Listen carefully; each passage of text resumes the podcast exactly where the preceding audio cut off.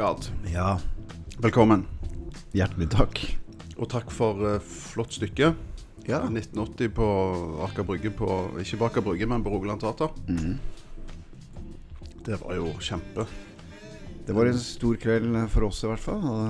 Utrolig hyggelig å eh, komme tilbake til Rogaland Teater, som har vært med Statsteatret fra vi begynte i 2000 og Var det 11? Mhm. Og med Arne Nøst, eh, teatersjefen i spissen, så opplever jeg litt at vi har liksom fått til nå Nå får vi igjen for alt Ikke strevet, men for alt arbeidet de har lagt ned. Mm. Tau scene når du var der også, Mm. det samarbeidet der. At det bærer frukter. At vi liksom har jobbet mange år, ikke bare med produktet, men også med publikum, da. Som er det vi spiller for, og som er det viktigste for oss. Eh, utrolig hyggelig å komme dit med stappa full hovedscene og veldig hyggelig respons. Så Mm. det er gøy. Mm. Stående applaus. Stående applaus. Og i går eh, hvordan var det i går? Det var, det var helt vilt, altså. Det var, uh, og jeg, nå har jeg vært skuespiller i 30 år. Jeg tror nesten aldri jeg har opplevd sånn brakende applaus. Så det, det er jo Det er bare å gå hjem og sette seg i sofaen og nyte det, og ikke ødelegge det med noe annet. Ja, wow. Så det kjennes Det er takknemlig yrke noen ganger Mm. Når det går bra. når det går bra. Men det er ikke så kjekt når det går dårlig. Nei, det Det har jeg også vært borti. Og det skjer jo. Og så kan man jo ha dårlige dager på jobben som personlig. At man ikke alltid har like motivert, eller at man Ja. Det er gruff hjemme, så må du omstille deg også. Men det er jo litt av profesjonaliteten vi som utøvere må ha. da At vi uansett dagsform eller Vi klipper de trådene og leverer varer. Mm. Mm. Eh, Det er sånn det må være. Mm. Det må være sånn. Men hvor var det det starta henne? Altså, Når var det du bestemte deg for å bli skuespiller? Eh, eller Nei. gjorde du det på et tidspunkt? Du gjorde nok det? Jeg gjorde nok det ifølge min søster som eh, Jeg gikk jo på Rudolf Steiner-skolen i Oslo. Ja. Uh, og der var det jo en tradisjon på å gjøre uh, oppsetninger i klassetrinnene. Så jeg tror det var åttende klasse, Uh, nåværende niende klasse. Så hadde vi en oppsetning av Henrik og Pernille Holberg. Mhm. Eh, som jeg da spilte Henrik. Og det var vel min første sånn smak på teaterlivet. Jeg hadde ikke noen ambisjoner da, men klar, jeg kommer jo fra en familie der moren vår var, veldig, var skuespillerinne i sin tid og var veldig opptatt av kunst, lyrikk. Um, så jeg har vokst opp med dikt hver Mm. morgen. Ikke bare på radioen, men av moren min som deklamerte og diskuterte det. Så jeg har nok fått en sånn naturlig input knytta til teateruniverset. Engasjementet til vår mor. Mm. Eh, men det var nok den første sånn spiren til at noe jeg syntes var eh, spennende og interessant. Og, men eh, så gjorde vi heksejakt på gymnaset. Eh, tredje gym. Mm. Og da jobba jeg beinhardt sammen med min mor. Og jobba hjemme hardt og fikk et skikkelig kick av det. Mm. Og gjorde jo selvfølgelig et ordentlig arbeid da, som gjorde at man også hadde gleden av å stå der på, på flere plan. Og fikk en annen form for ikke bare respons fra folk, men sånn indre respons på at det var noe jeg faktisk eh, kunne klare. Mm. Som jeg Mm. eh, mestret.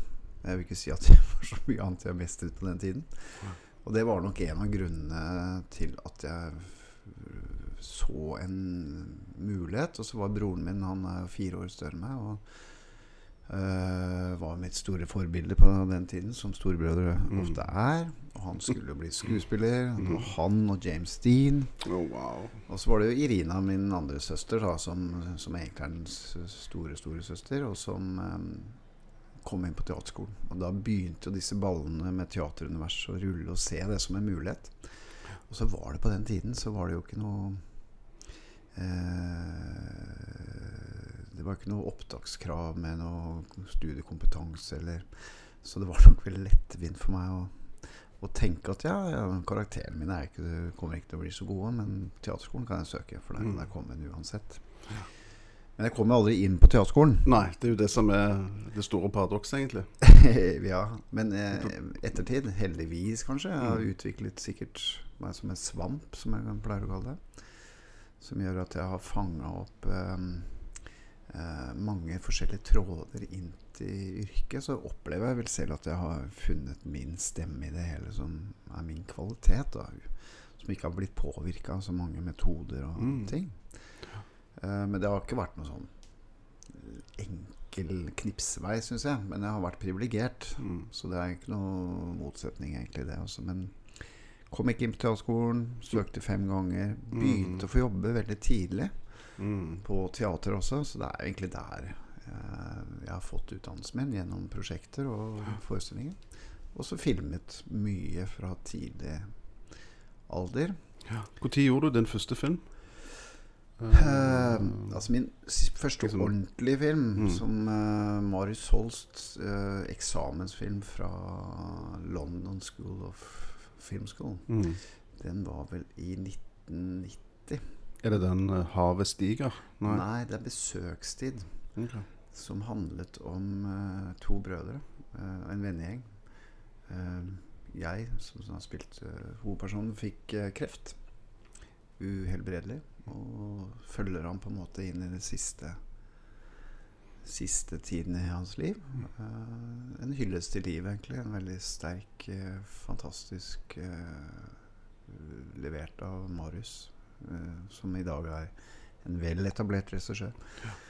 Eh, sammen med min bror og Tom Arne Haug, som Mm. er på Rogaland Teater i dag. Som er min gamle, gamle gode venn. Og Camilla Strøm Henriksen, som nå kommer med spillefilm. Anders Graham, som er filmprodusent. Eh, Runar Vik. Eh, eh, så vi var veldig mange som eh, var med den filmen, som i ettertid fikk en sånn break.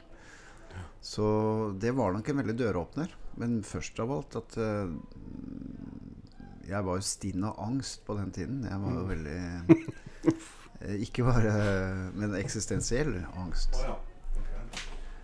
Jeg, jeg gikk gjennom en livskrise, og det passet jo veldig bra for en eh, kreftpasient. Jeg veide 57 kilo, husker jeg. Og jeg har én eh, ting jeg skal ta med Marius, som er fortsatt min veldig gode venn. Men han eh, lovte å, i solidaritet å klippe av seg alt håret og jeg gjorde det. Mm. Og jeg klippet meg alt håret og, Mm. som kreftpasient. Oh, ja, altså helt? Altså, Helt liksom, du bare skinna deg helt? Skinna meg helt. Men det gjorde ikke Marius. Uh, han mener selv at han eh, begravde den i en annen eh, form for at jo, jo, men vi gjorde en avtalsalguard, og det var noe sånt. men den har jeg til gode på han. Men det er vel det eneste. Men da jeg husker jeg selv så meg i speilet. 57 kilo, skinna. Og da, da det var ganske skremmende mm, tider. Eh, men det ga noe til rollen. Og den angsten som eh, jeg hadde, som var eksistensiell for meg, av mange årsaker, Mm. den har nok hjulpet meg veldig mye som kunstner eller skuespiller. Fordi jeg ble veldig ydmyk i forhold til livet. Og og båret det med meg videre. Mm. Du har kjent på, på mørket?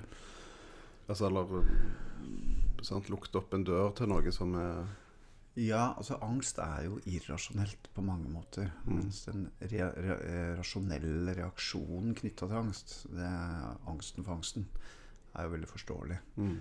Men noen ganger så oppstår angsten uten at man vet hvorfor, eller når den kommer. Og, og, det var jo det som var utfordrende. Jeg forsto ikke hva det var med en gang. Og så ble det avdekket etter hvert at det var det jeg slet med. Mm. Eh, det slapp jo taket, heldigvis. Men Hvor var det det kom fra? Nei, det kom nok fra at jeg har en, eh, en oppvekst med mye alkoholisme i familien. Mye ansvar for eh, voksenpersoner som jeg en periode ikke skulle hatt ansvar for. Eh, kombinert med at jeg mistet eh, mange nære venner en periode.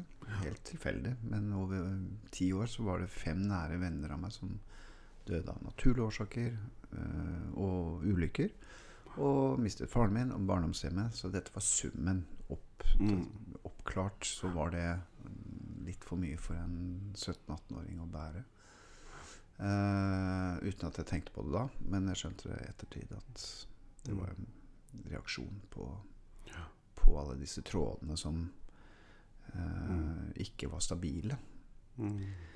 Men jeg har brukt resten av livet til å fundere på det, og jeg er veldig ferdig med det. Men jeg er veldig ydmyk i forhold til andre mennesker som både opplever angst, men også mine egne barn. Og, og veldig opptatt av at, at det ikke skal skje selvfølgelig dem, og hvis det skjer, at det er rom for åpenhet og, og kjærlighet, rett og slett, på det. Mm.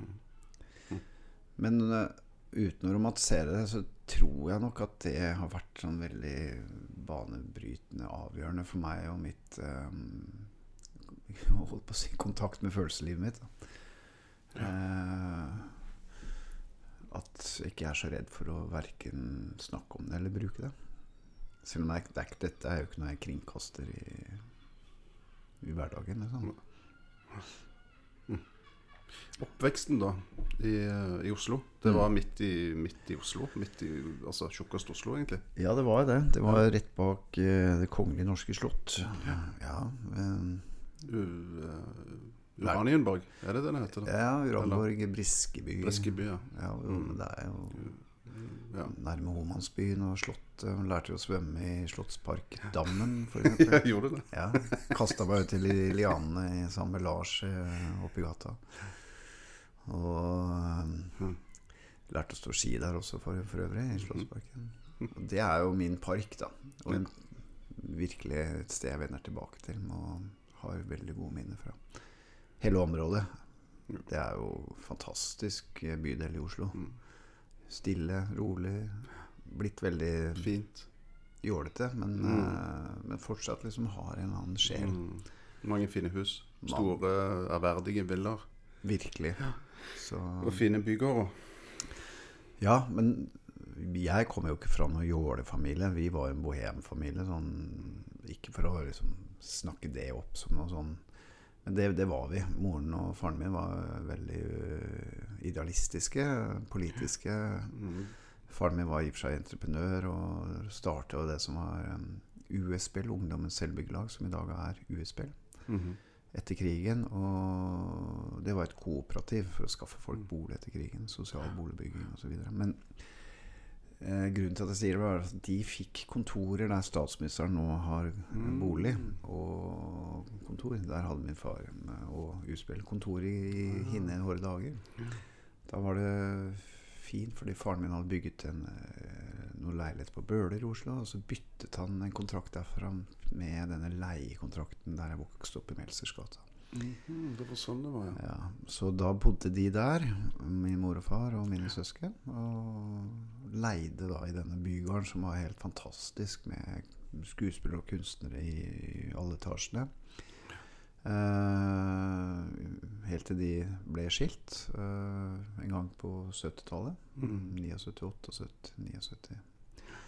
Og da rakna det stedet også i familien etter Mm. hvert. Og moren min solgte vel i 84-85.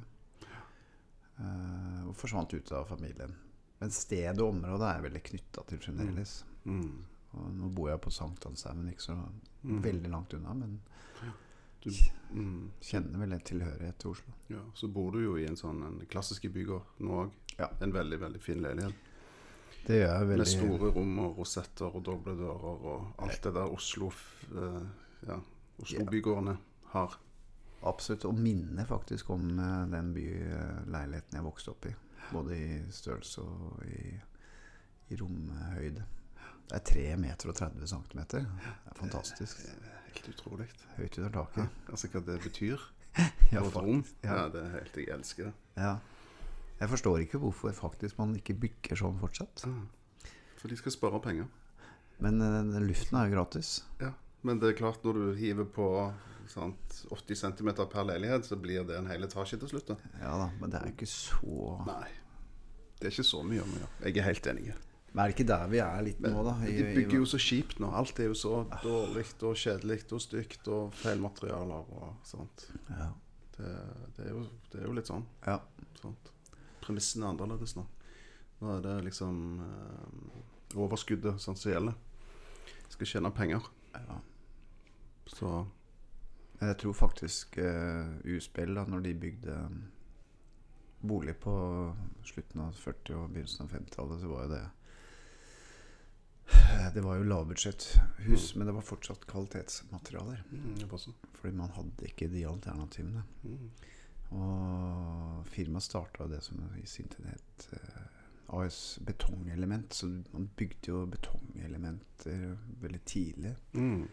Og det var en veldig effektiv måte å få reisehus på. Altså. Er treverk, da. Mm. Mm. Det er kjempesmart. Mm. Og det går an å gjøre det fint og bra òg. Så det, det går jo an å gjøre en kombinasjon Ja.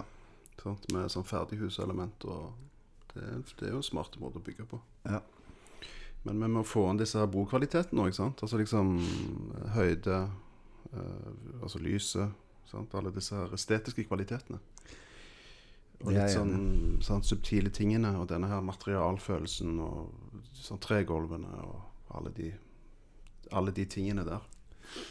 Ja, og også tenke at man har et ansvar for ettertiden. At eh, arv ikke nødvendigvis har med eh, bare penger og, og synlige ting å gjøre, men det har med noen grunnleggende verdier knytta til hva som er eh, Ikke bare vakkert, men hva som er holdbart, og hva som er langsiktig, og hva som skal prege et samfunn. Men så er jeg ikke dummere enn at jeg skjønner jo at, at det, er, eh, det må være et forhold mellom økonomi og estetikk i vår eh, verden. Men jeg mener samtidig at det ikke er en motsetning. Mm. Mm. Jeg tror det er kunnskapsløshet Mm. og lite interesse for estetikk. Um, og smak er jo vanskelig å diskutere. Mm. Men, uh, men kvalitet kan man diskutere. Enhver entreprenør vet jo uh, at bærekraft, eller Mm. bæring av en, en bjelke, må ha en viss standard. Så burde være sånn på estetikken òg. Mm. Burde ha en standardisert Mm. ha, Har vi gått nok runde med å Mm. En sånn minimumsstandard på på Og så mm. nei, dette holder ikke. Nei. Ja, da, ja. Ja, og jeg liker jo ikke dårlig smak, men jeg liker jo at andre har ulik smak enn meg selv. Ja. Eh, det tenker jeg er mangfoldets eh, kvalitet. da Nødvendigvis ikke at det er noe lavere kvalitet av den grunn. Ja. Men det er en annen fokus på en annen stil eller en form. Eller Mm. sånn. Det er et annet uttrykk, på en måte.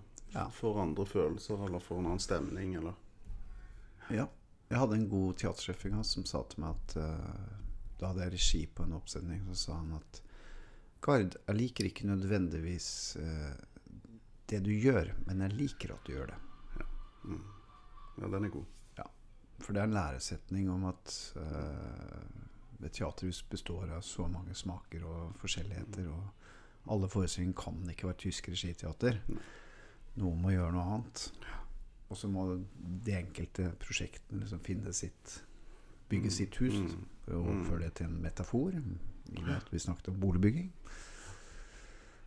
Men eh, Nei, jeg tenker at det er egentlig den sideoppgaven med det vi driver med i Eller jeg driver med i teaterverdenen. At man, man deler på ikke nødvendigvis eh, moral, men eh, Eller moralisme, men Eller at vi moraliserer, men at vi deler på synspunkter som man kan gå hjem og diskutere.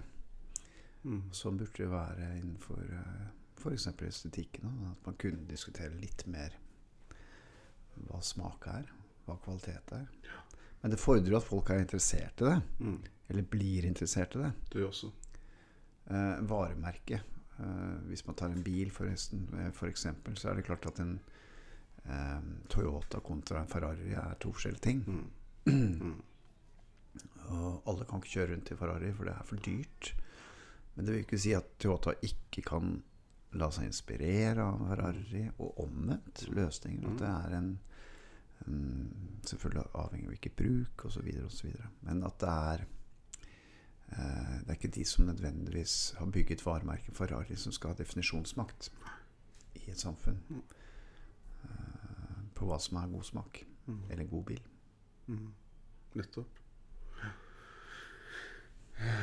Men eh, dette statsstartere vil vi gjerne snakke litt om. Det vil iallfall jeg snakke om. Mm. Um, kan du fortelle oss historien, historien bak det? Altså hvordan det starta egentlig, og, og hvordan dere på en måte traff hverandre? Ja, jeg for min del har jo um, jobbet med Yngve siden 1998, da vi gjorde Sult sammen på hovedscenen på Nei, ikke hovedscenen, på Amfiscenen på Nationaltheatret. Mm. For øvrig en ganske morsom historie, fordi eh, Oslo Moderne Teater som scenograf Erlend Birkeland og jeg eh, bl.a. drev på fra 96 Mhm. Vi satt med opsjonen på Sult. Okay. Og så kom Nationaltheatret til eh, Gyldendal Forlag og skulle sette opp Sult på Nationaltheatret. Og så var det den lille frigruppa som satt med det. Og, og så tok de kontakt med oss, og så spurte de om Eller de informerte oss egentlig om at de skulle sette det opp. Og så sa bare at dere må gi oss rettighetene. Okay. Eller retten til å sette opp Oslo. Ja. Så sa vi ja, Kanskje. vi kan gjøre en avtale. Mm. Dere setter opp deres versjon på hovedscenen, så setter vi opp vår versjon på bakscenen. Yes. Det var en god idé. Ja. Eh, Det var gi, gi og ta. Og det er også en måte å få det finansiert på. Da, var Yngve nyutdannet fra Getis i Russland. Han er Mhm. utdanna regissør der. Jeg var helt Ikke broilerfersk, men jeg var rimelig fersk. Liksom. Jeg hadde ikke gjort så mye store ting. Uh, var jo litt sånn da på Skal jeg fortsette som skuespiller eller ikke? Jeg hadde forsørgeransvar, jeg hadde unge og kjente litt på at jeg måtte prøve å finne ut av livet mitt. Men Yngve kom som en veldig sånn reddende kompis og inspirator. Så vi slo oss sammen, og så sa Ellen Horn, da, som da var teatersjef på Nationaltheatret, at eh, da vet dere hva, vi, dere gjør prosjektet deres. Og så gjør vi et samarbeidsprosjekt. Mm. Og så realiserte vi sammen Nationaltheatret Sult. Og det var jo gjennombruddet til, eh, i hvert fall meg som skuespiller, eh, på teateret. Og Yngve hadde gjort en veldig fantastisk forestilling i Trøndelag, på Trøndelag Teater. Men eh, det er klart at når du gjør det på Nationaltheatret i Oslo, så gir det gjenklang. Og, og siden så har både Yngve og jeg vært privilegerte eh, teatergjengere. Men det var vårt første samarbeid. Mm. Og siden det så har Yngve og jeg jobbet masse sammen. Mm. Eh, og sånn er det med alle, alle de involverte statsteatre. Alle hadde en fartstid med Yngve. Og Yngve litt bak eh, I bakhodet hadde gått svanger med den ideen om å sette sammen en gruppe. Og jeg var jo også med i det som het Utan filter på Norsk Teater i en fire nei, toårsperiode. Vi gjorde åtte forestillinger sammen. Mm. Hva var det det var for noe? Det var i 2002 og til 2004. Da satte vi opp eh, Arne Garborg, blant annet. Eh, eh, 'Trette menn'. Eh, vi satte opp Mhm. Hans Petter Blad sin, eh, sitt teaterstykke 'Små menn'.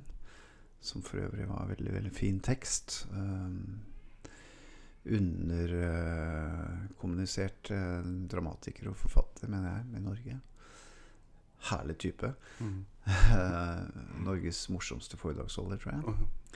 Eh, og ekstremt kunnskapsrik eh, litteraturviter i dag. Og filmviter.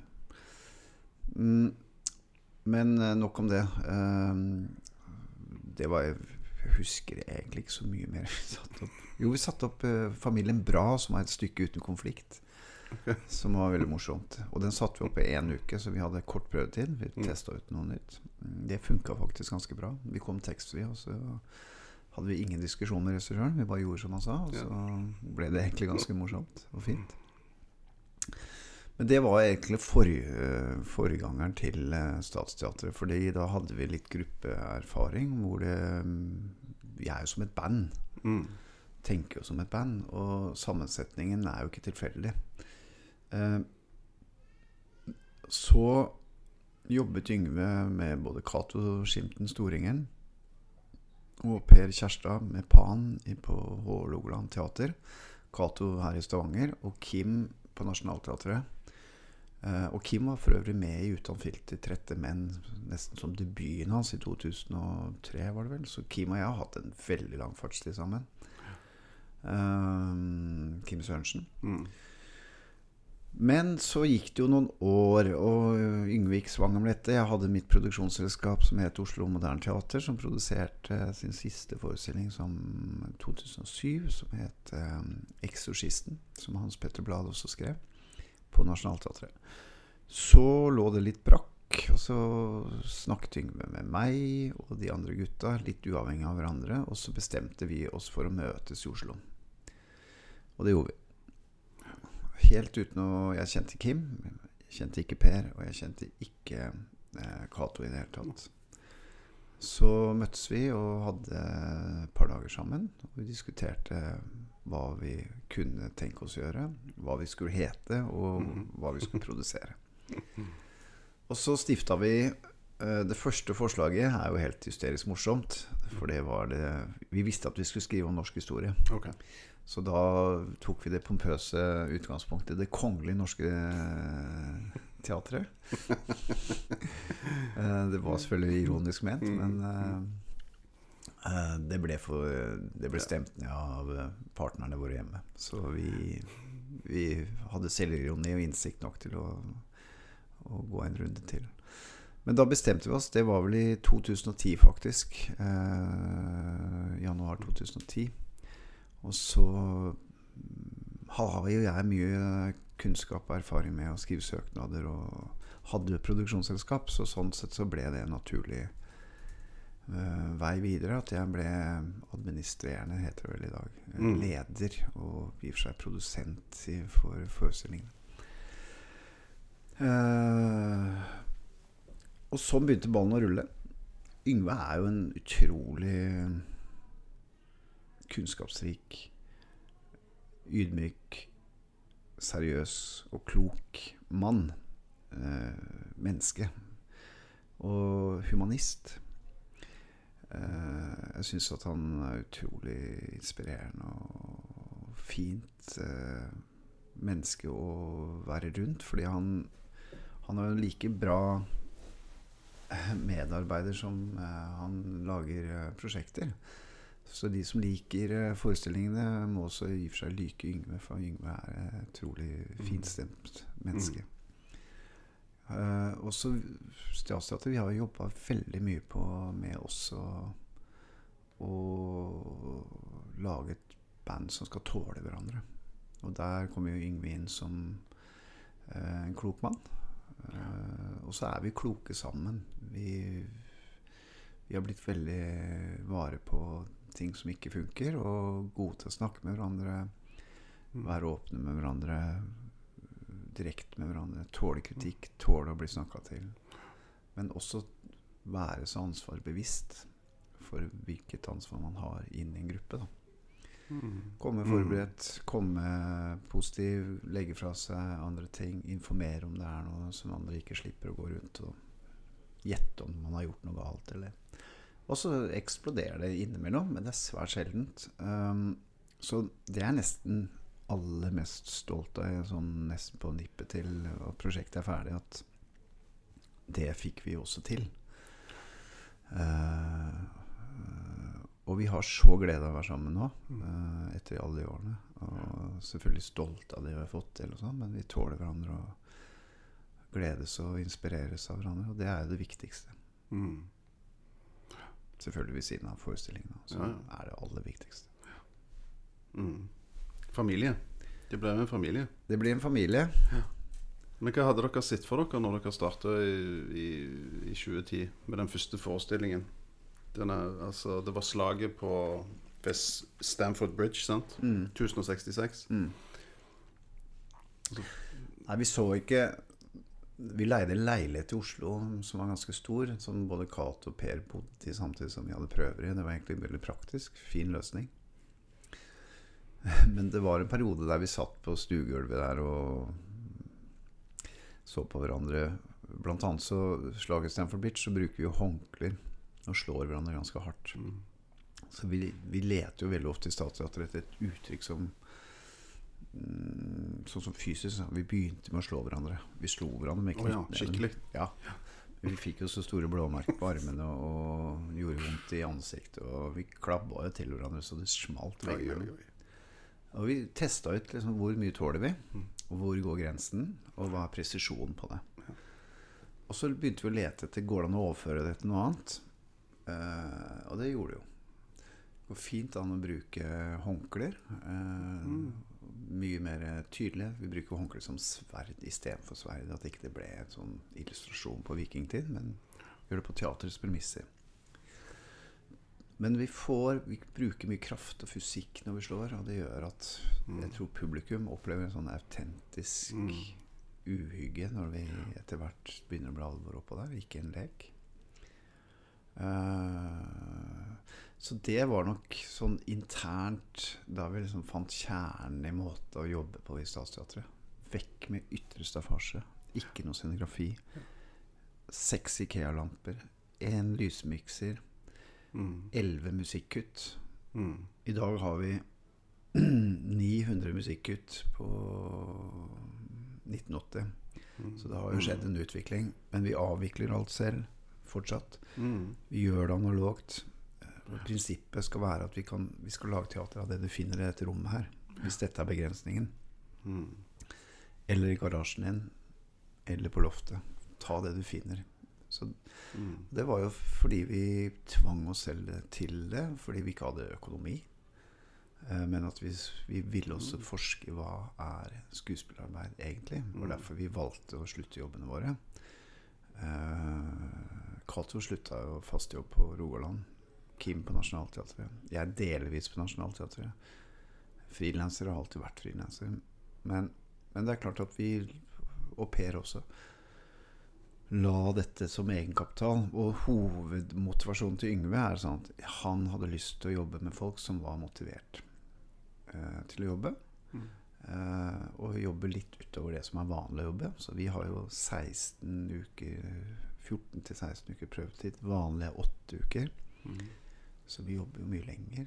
Eh, og lengre dager, lengre strekk. Eh, vi jobber til vi blir ferdig, for å si det sånn. Mm. Og så fortsetter vi etterpå. Etter premieren. Så vi, hver dag så har vi oppsummering, og vi går videre og jobber med detaljer og ting. Ikke sant? Så det, det er en krevende form, men det er det som vi syns er gøy. Um, Derfor blir det bra òg. ja, det er hyggelig at du sier, og det, jeg tror nok vi, vi begynner å, å bære litt frukter av at vi har jobba sammen så lenge også. At vi kommer kjappere til gode løsninger, og dynamikken i gruppa er lettere å lese. Og vi bruker tid på det vi skal bruke tid på, osv. Så, Mm. så det gagner jo virkelig forestillingene sånn for, forhåpentligvis. Da, at vi, vi kommer fortere opp på et høyere nivå. Uh, og dette er jo egentlig bevis på hva ensemblepolitikk burde være på et teater. Mm. Og skal være. At man, man kan jobbe sammen så lenge at man får en utveksling som gjør at, Mm. at man lager rett og slett bra teater. Men eh, nådig, nødig snakke frem oss selv på den måten og si bra teater. Men vi lager det teater vi hadde lyst til å gå på sjøl. Og det syns vi er en bra overskrift. Eh, og det virker jo som det stort sett slår an hos publikum. Mm. Men vi er nok litt sånn stebrødre, søstre i Teater-Norge fremdeles. Eh, men vi, vi har tenkt at Og ikke noe negativt til det, men vi har veldig mange fans, både teatermiljø og sånn ellers. Men vi, vi ønsker å være et folketeater. Lage teater for vanlige folk, ikke for eh, teaterfolk, uten at vi har noe mot det. Men det, det er ikke mandatet vårt hvis man skal lage et teater om norsk historie. Prøve å finne ut hvem vi er, hvor kommer vi fra, hvor er vi på vei som nasjon. Hvem er vi egentlig som folk? Vi kunne jo ingenting om norsk historie nesten før vi begynte. Og jeg kan nesten garantere at jeg kunne gått glatt opp en uh, god bachelor i norsk historie Mm. eh, på grunn av dette. Og det er jo veldig gøy. Vi har lært så mye. Og det håper vi jo også publikum har. Og at de går hjem og leser litt mer om norsk historie.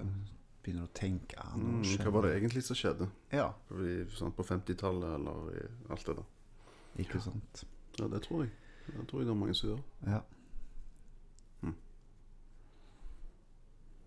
Ja. Og dere reiser jo rundt òg i hele Norge Vi reiser og spiller på små og store scener. Ja. Altså liksom sant? Mm. Altså, kjempestore og, og bitte, bitte små. ja.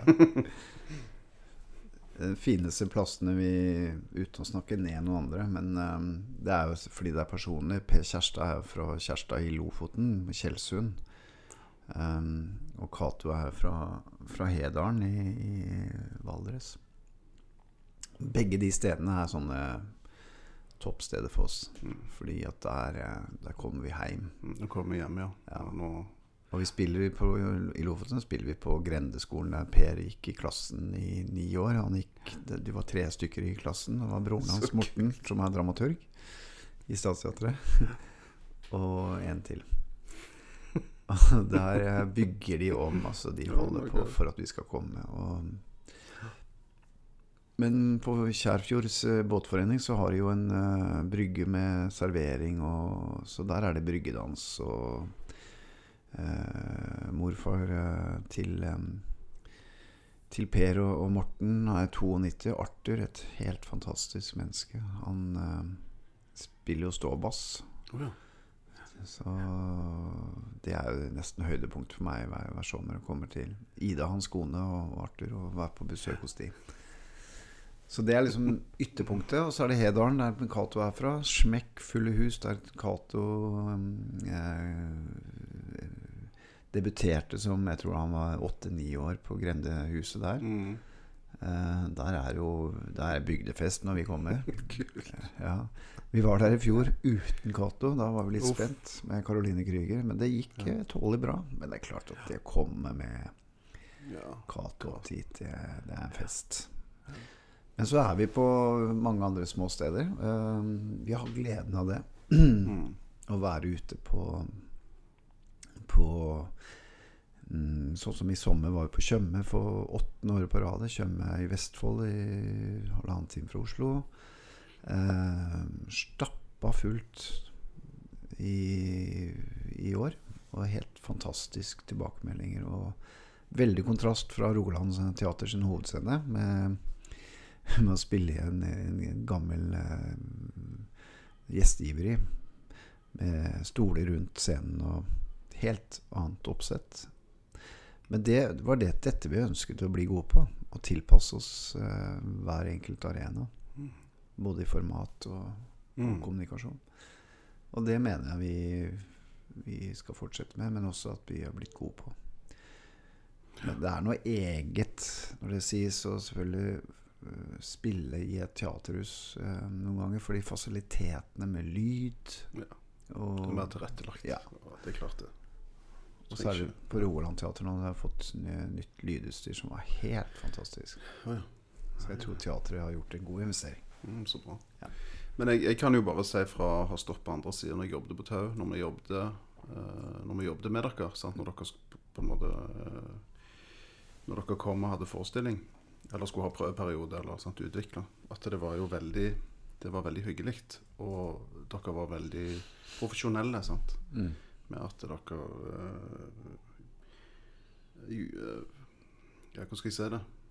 Det, det? det har vel noe med at en på en måte gjorde mesteparten av arbeidet sjøl òg. At dere liksom ber inn utstyret, rigger det opp, får ting opp. Ingen som klager, ingen som krever. Ingen som holder på å mase. Ikke sant?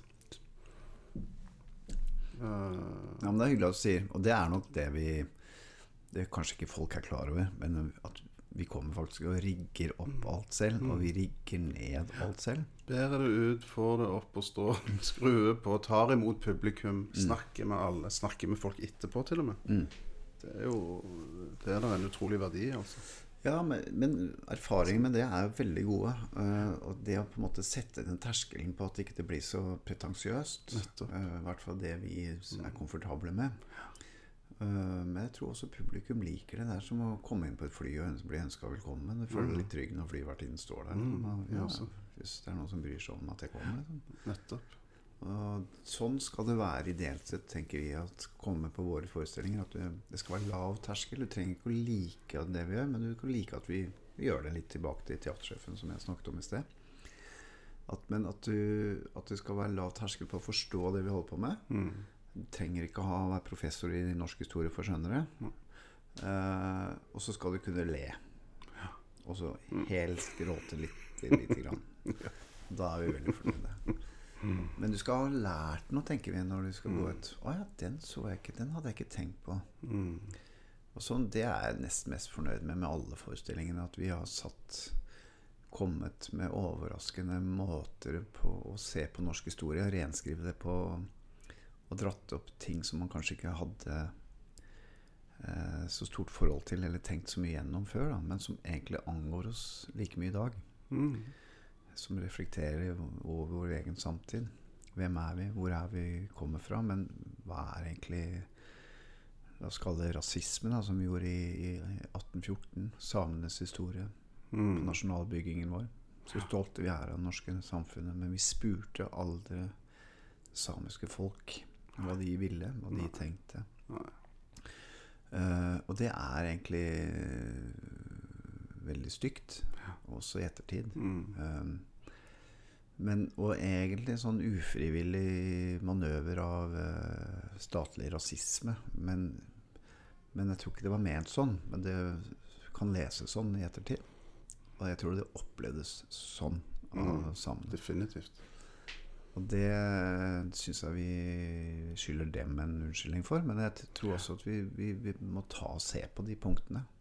Av hva som egentlig skjedde. Mm. Og jeg har ikke noe problem med å skjønne hvorfor det skjedde. Vi var en ny nasjon, og vi ønsket å sikre oss våre rettigheter og våre ambisjoner som nasjon. Mm, Men det hadde noen konsekvenser. Det er disse Mm. tingene vi ser på. Ja, ok. Men vi, Mm. hadde noen ble stilt utenfor. Mm. Eh, og så gjør vi det jo med humor. Det er vårt sterkeste våpen. Vi avdekker jo de sykeste ting med, med humor. Det er veldig morsomt, det stykket. Ja, Men spilte dere ikke det eh, i Alta, eller i, i, i forbindelse med en sånn nasjonal feiring for, eh, for eh, same, samenes nasjonaldag, eller?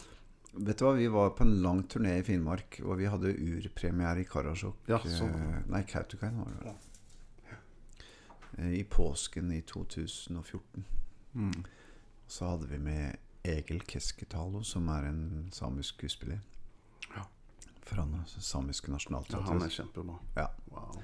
Og det var, det var gull for oss, for vi visste jo ikke hva vi gikk inn på. Han var både kunnskapsrik og veldig, veldig flink til å manøvrere disse dramatiske tingene, så ikke det ble én til én, men at det ble eh, på deres premisser også. At, det var det som var gøy å komme til Finnmark. Endelig noen som snakka deres historie.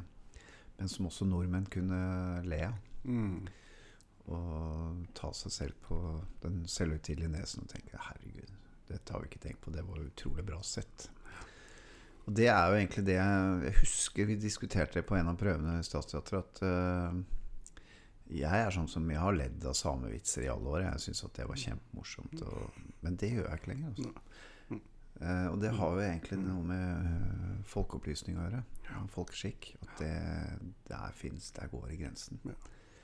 Um, og det, det er på tide å ta et oppgjør med. Men mottagelsen i Finnmark, hvordan var den? I Finnmark? Ja. Det var, det var enestående. Var helt enorm. Ja. uh, virkelig, altså. Så det Det tror jeg også hadde med sjangeren å gjøre. Vi gjorde jo det vi kalte uh, vår cowboy- og westernhistorie. Eh, med, uh, med ballonger og kruttpistoler. Mm. ja.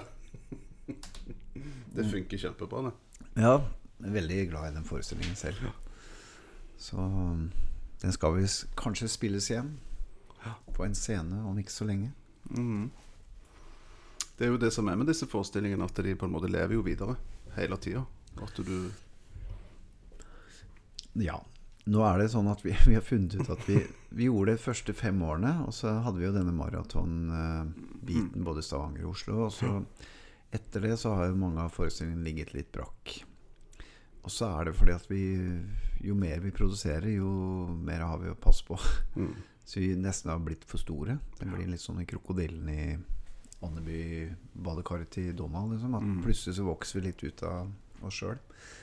Så det vi gjør nå, er å fokusere på de to siste forestillingene. Mens um, 1066, som er den første forestillingen, den spiller vi fortsatt ganske mye. For det er på en måte debutplata, og den er veldig ettertrakta rundt omkring. Um, og så spiller vi de andre forestillingene hvis um, det blir bedt om det. Men vi, vi eh, har tenkt at vi skal vente litt med å samle dem.